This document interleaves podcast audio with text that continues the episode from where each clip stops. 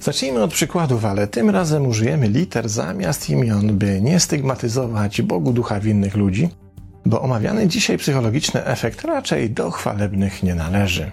Oto więc pan X, dyrektor w sporej firmie, zarabiający całkiem niezłe pieniądze, pozwalające na więcej niż dostatnie życie. Hawira, wypasiona fura i gromadka nigdy nie umorusanych dzieci. Zastajemy pana X spacerującego pomiędzy regałami jednego z budowlanych marketów, gdzie postanowił zajrzeć po drodze do domu prosto z konferencji, na której wygłosił płomienną mowę o uczciwości. Teraz ogląda dwie wiertarki, jedną za stówkę, drugą prawie za tysiaka. Ta droższa, fajniejsza, jakaś taka bardziej kolorowa i przyjemniejsza w dotyku.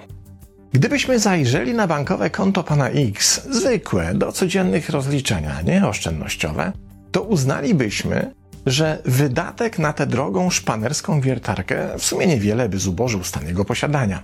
Więc spodziewamy się, że skoro taki wydatek to dla niego betka, to chwyci za wiertarę i pogna do kasy. A tymczasem pan X ostrożnie się rozgląda i po zobaczeniu, gdzie są kamery, staje tak, by przesłonić swoim ciałem to, co za chwilę zrobi. A zrobi zamieszanie, wyjmując z pudełek najprzeróżniejsze wiertarki, wyłącznie po to, by niepostrzeżenie przekleić metkę staniej na drogą i dopiero po tym zabiegu pójść do kasy. Uf, udało się. Praktykantka na kasie nie ogarnęła ściemy. Pan X przez nikogo nie zatrzymywany wychodzi na parking, gdzie spotyka dawnego kumpla. Dobrze spotkać cię w tak doskonałym nastroju, mówi kumpel, widząc, że pan X nie może powstrzymać malującego się na twarzy szczęścia. Przykład drugi. Oto pani Y właśnie siedzi na rozmowie kwalifikacyjnej. Jest tuż po wypełnieniu kwestionariusza badającego jej przymioty, w którym nawpisywała całą masę wielkich wartości w roli swoich życiowych drogowskazów z prawdomównością na czele. Rekruterzy uznają, że test został zaliczony, więc teraz przeglądają jej CV w poszukiwaniu informacji o kierowniczym doświadczeniu, bo przecież szukają doświadczonego menadżera do zarządzania sporym zespołem. Pani Y niestety nie ma takiego doświadczenia, ale w CV opisała lata zarządczej pracy, jakby to była bułka z masłem. W końcu od czego się ma wyobraźnię? Teraz chwila niepewności, stresu i niepokoju i finalnie nikt się nie zorientował, a fałszywe doświadczenia i umiejętności zostały łyknięte przez rekruterów bez mrugnięcia okiem. Witamy w zespole, mówi jeden z nich. Przyda nam się ktoś tak uśmiechnięty i pogodny jak pani. Teraz przenosimy się do mieszkania pana Z, który kiedy ogląda serial Alo Alo, to najbardziej go bawi fragment, w którym René, przyłapany na obściskiwaniu kelnerek, mówi do swojej żony: Ty głupia kobieto. W małżeństwie pana Z jest podobnie, tyle, że nic nie trzeba mówić. Jak dotąd wszystkie jego skoki w bok uchodziły mu na sucho, bo mimo iluś wpadek i wyraźnych sygnałów zdrad, zawsze udaje mu się przed żoną jakoś wyjść z opresji. Wtedy siada na kanapie, zakłada nogę na nogę i puszcza sobie alo alo, bo ma nagrane wszystkie odcinki i już sam nie wie, co w jego życiu przysparza mu więcej szczęścia. Zaliczanie kolejnych seksualnych podbojów. Czy raczej to, że wymyka się małżeńskiej sprawiedliwości jak DiCaprio Hanksowi? Wzłap mnie, jeśli potrafisz. Co łączy wszystkie te przykłady? To efekt haju oszusta, czyli mechanizm, w którym po popełnieniu czegoś nieetycznego czy niezgodnego z prawem i ominięciu konsekwencji, zamiast spadku samopoczucia pojawia się ekscytacja, radość i podniecenie. Oczywiście nie u wszystkich, ale w dużo większej liczbie przypadków niż moglibyśmy podejrzewać. Wykazały to badania przeprowadzone przez zespół naukowców z Uniwersytetu Pensylwania z 2013 roku, zatytułowane High Oszusta, czyli nieoczekiwane afektywne korzyści z nieetycznego zachowania. Co ważne, w badaniu tym nie chodziło o to, ilu uczestników zachowa się nieetycznie, kiedy będą mieli taką okazję, ale o to, w jaki sposób przewidujemy stan swojego samopoczucia po zachowaniu uczciwym oraz po nieuczciwym. W związku z tym wykonano cały szereg badań na różnych grupach uczestników, którzy Najpierw przy pomocy szczegółowych kwestionariuszy opisywali to, w jaki sposób sami emocjonalnie reagują po zachowaniach uczciwych oraz kiedy przydarzyłoby im się zachować nieuczciwie, oraz to, w jaki sposób ich zdaniem w takich okolicznościach reagują inni. We wszystkich eksperymentach uczestnicy badań przewidywali, że zachowanie uczciwe spowoduje podniesienie lub utrzymanie stanu dobrego samopoczucia, zaś zachowanie nieuczciwe to samopoczucie obniży. Bo na przykład pojawią się wyrzuty sumienia, poczucie winy, autopretensje czy obniżenie samooceny. Następnie przeprowadzono kilka różnych eksperymentów, w których zarówno proszono uczestników, by wyobrazili sobie samych siebie w sytuacji, w której możliwe jest oszustwo, jak i innych ludzi.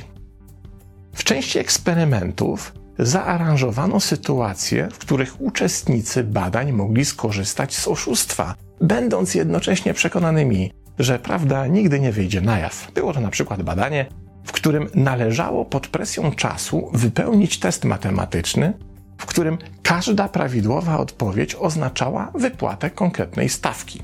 Więc im więcej odpowiedzi, tym wyższy zarobek.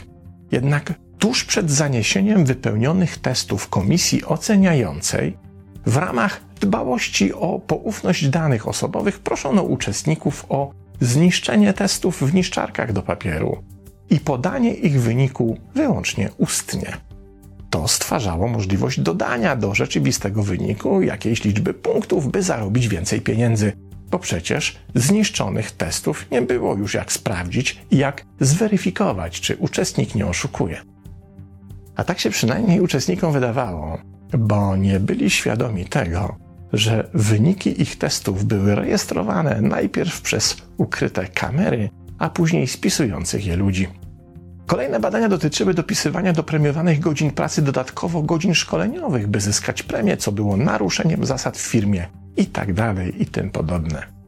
W każdym razie, i to warto zapamiętać, w żadnym z badań, niezależnie od tego, jak zmieniała się w nich liczba uczestników decydujących się na oszustwo w stosunku do tych, którzy postanowili pozostać uczciwi, we wstępnych kwestionariuszach dotyczących przewidywania samopoczucia nie pojawiła się ani jedna zapowiedź tego, by któryś z uczestników dowolnego badania przewidywał, że po dokonaniu oszustwa poczuje się lepiej niż w sytuacji, w której uda mu się zachować uczciwość.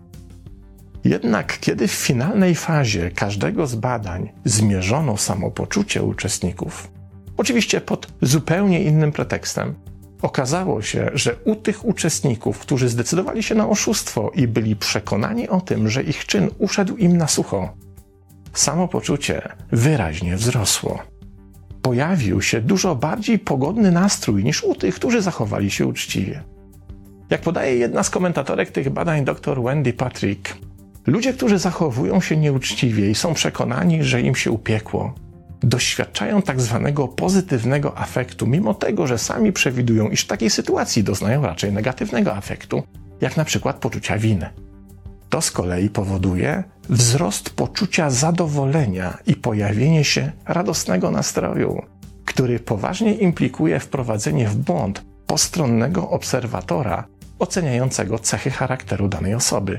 A mówiąc prościej, Możemy oceniać zadowoloną i radosną osobę na podstawie tych sygnałów jako pozytywną osobę, podczas gdy źródła jej samopoczucia leżą nie w jej pozytywnych cechach charakteru, ale w tym, że odczuwa haj oszusta, bo po raz kolejny udało się jej coś zrobić nieetycznego i nie zostać ani na tym przyłapanym, ani też nie ponieść za to żadnych konsekwencji. Oczywiście nie oznacza to, że wszyscy uśmiechnięci ludzie, których spotykamy w życiu, mają coś na sumieniu. Oznacza to jedynie, że w swoich przewidywaniach przeceniamy nasze emocjonalne reakcje w kontekście konsekwencji zachowań uczciwych oraz nieuczciwych.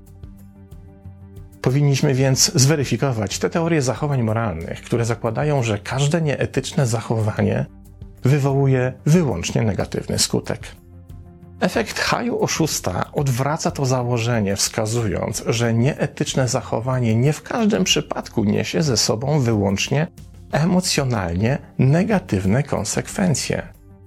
pojawia się w nim cała masa pozytywnych emocji, przykład związanych z podnieceniem towarzyszącym zerwaniu zakazanego owocu, czy przekraczaniem społecznych norm, które dla konkretnych osób może być bardzo atrakcyjne i pociągające dużo bardziej niż przestrzeganie ustalonego porządku.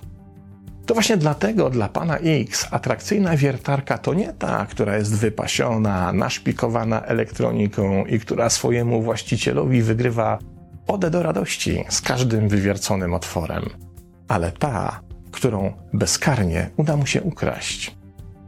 Pytanie jednak jest następujące: czy tego typu zabawa z każdym kolejnym udanym skokiem na uczciwość nie wciąga delikwenta w coraz to mroczniejszą otchłań ekscytacji i nie prowokuje go do coraz to śmielszych poczynań?